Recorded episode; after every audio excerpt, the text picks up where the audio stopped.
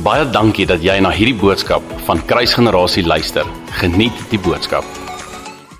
Goeiemôre familie. Ek hoop dat dit goed gaan met julle en dat julle die tyd super baie geniet en die lockdown so baie geniet.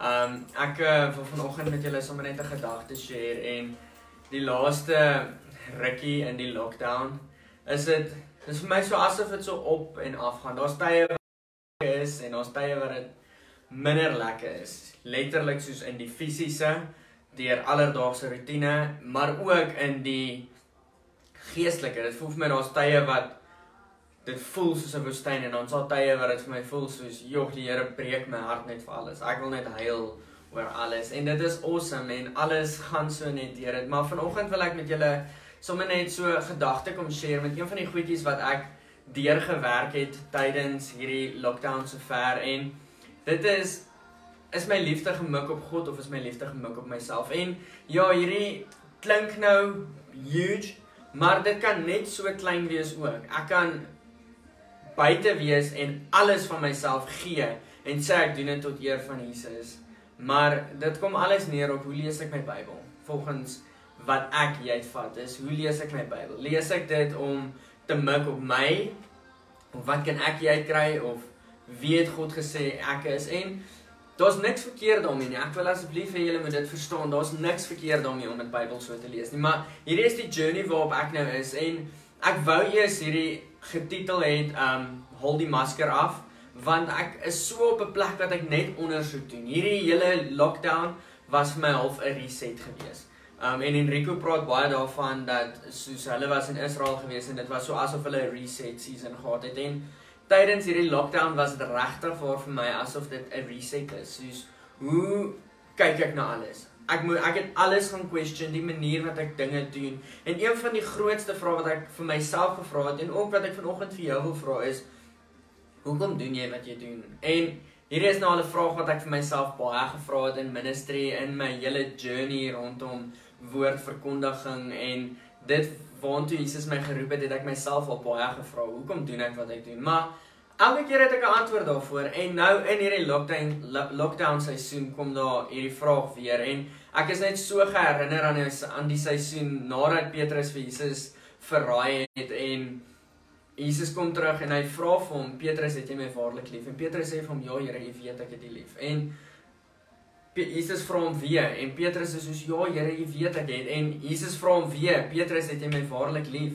En ek dink op daai derde keer breek Petrus en hy sê hierdie vraag is 'n realiteit en dit is hoe dit vir my was met hierdie vraag. Soos dis asof hierdie keer was net anders geweest, heeltemal anders as wat dit voorheen was en ek eh, word stil en ek vra vir die Here, Here, hoekom doen ek wat ek doen?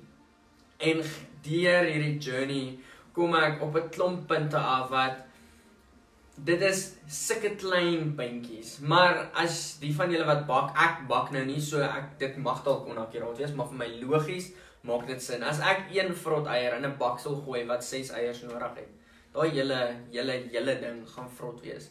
Jy gaan nie 6ste van die koek nie kan eet nie as jy 'n koek bak. Jy gaan die hele koek nie kan eet nie. En hierdie klink nou super drasties, maar ek die rede dat ek vanoggend hierdie met julle share is ek wil hê of ek wil jou uitnooi om hierdie vraag vir Jesus te gaan vra. Wat waarom doen jy wat jy doen? En dat sy vuur net deur jou kom brand. Ja, dis nie lekker nie, maar dis ook so lekker om heilig voor hom te staan en voor hom te staan en te kan sê, maar ek is ek is pure, soos wat Paulus die kerk motiveer. Um be pure and be holy, be presentable to the Lord. En dit is waar ek waarvoor ek jou wil motiveer vanoggend. En vanoggend is daar 'n klomp punte wat ek moes gaan revisit het en ek wil hulle met julle share. Die eerste een is ja, hierdie was 'n tyd van 'n reset gewees en ek het gaan rethink rondom 'n klomp goedjies. En die eerste punt wat ek wil gaan of wat ek gaan rethink het is humility. En hierdie is iets wat ek nog altyd gevoel het deel was van wie ek is want ek weet in die woord van God is daar soveel keer wat ons sien Jesus wel Jesus is humility en ons sien hoe Jesus beweeg het in nederigheid en Ek het altyd gedink, ja, ek uh, is nederig.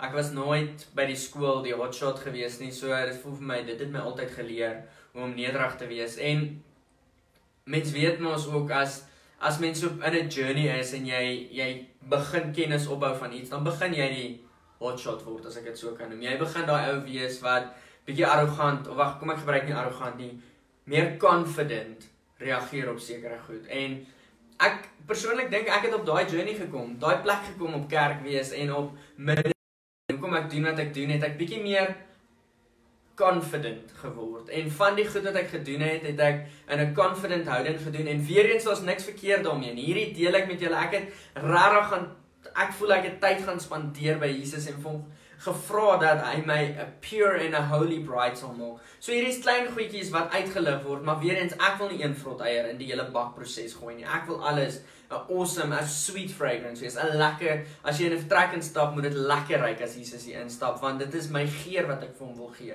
Ek wil nie hê daar moet ergens 'n vrot geurtjie rondhang nie. Dit moet 'n 'n soet geur vir hom wees. En en terwyl ek besig is met hierdie humility proses, kom ek agter dat hier en daar het daar so 'n bietjie pride ingeglip. En nie groot pride nie, sulke klein goedjies. Ons weet mos dat die vyand loop rond soos 'n wolf met skaapklere. Hy het hierdie kostuum aan wat wat hom so goed laat lyk, soos 'n engel van die lig laat lyk, maar mintam is hy nooit die engel van die lig nie. En hierdie vuil goed, vrot eier, glip net so bietjie in en daar's niks verkeerd. Ek ek over communicate. Daar's niks verkeerd om confident te wees nie. Dit is Jesus het ons geroep om confident te wees. Ons is kinders van God.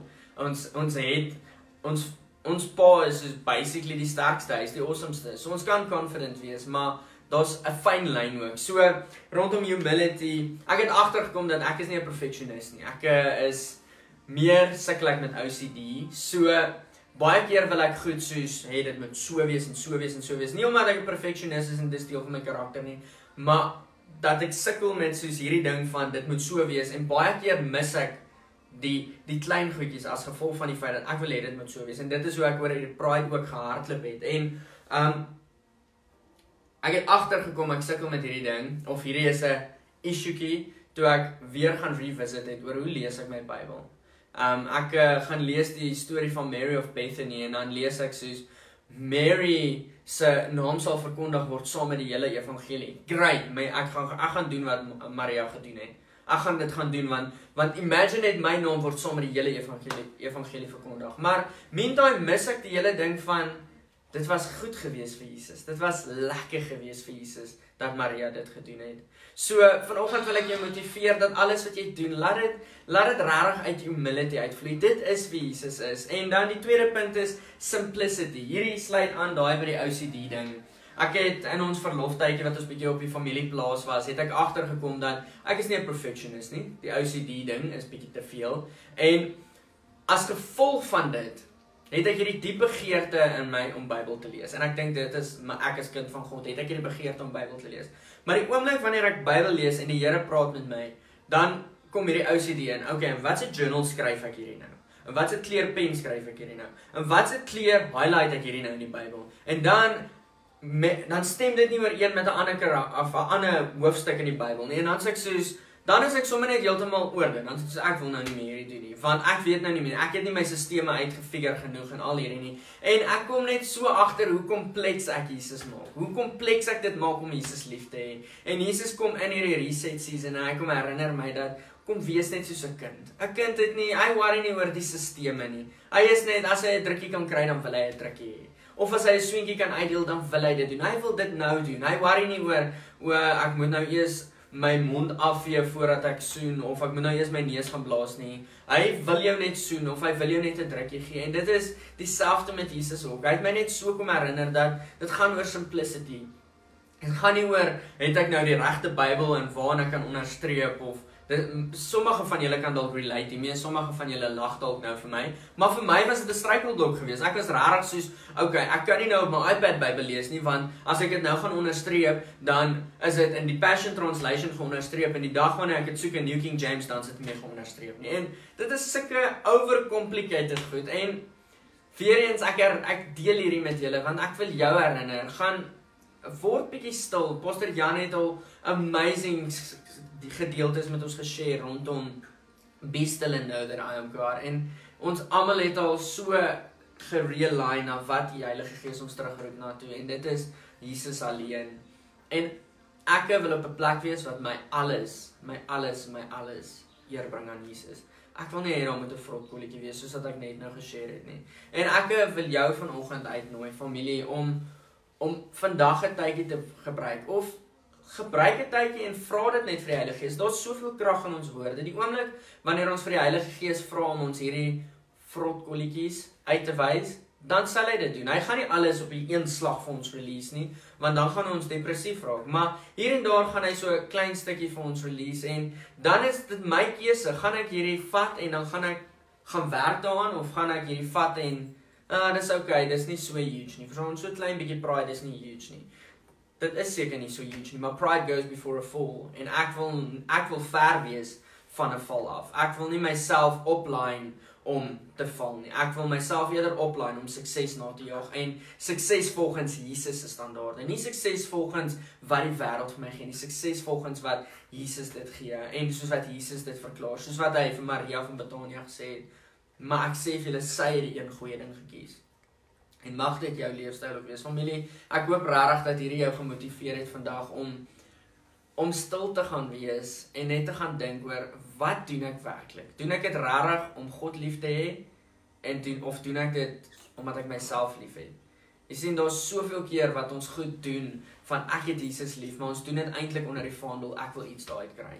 En dit is nie waaroor die evangelie gaan nie. Dis nie waaroor die gospel gaan nie. Jesus het klaar alles gegee. Hy het klaar alles alles alles gegee. As ek en jy niks verder daai kan baat nie, dan is dit oukei okay, want hy het klaar alles gegee. Ek en jy moet hom najaag vir wat hy vir ons al reeds gedoen het. So mag dit jou aanmoedig vandag om net meer van hom te soek. Kom ek bid vir ons. Here, is so goed en dat vanoggend wil ons U nie kompleks maak nie. In ons hele journey rondom U wil ons dit nie moeilik maak nie. Ons wil dit eintlik net kom een vereenvoudig en sê, "Hier is ons Jesus." Ons wil soos 'n kind wees. Ek wil soos 'n kind wees en uitroep Jesus, Jesus, Jesus. Ek soek meer van U. Waar is U? En Heilige Gees, ek bid dat U so duidelik met ons sal praat. Dat ons sal weet dat wanneer U praat, het U het U gepraat. Dis nie 'n oor was dit dalk my gedagtes of was dit miskien die vyand nie dat ons sal weet U het gepraat. Dat ek bid dat ons familie that they will be pure and blameless before you without without blemish. Daar nou geen plooie of geen pysies of wat ook al sou wees wanneer ons voor U staan nie, maar dat dit net so skoon sal wees en net so mooi sal wees. Jesus, ons het 'n begeerte vir U.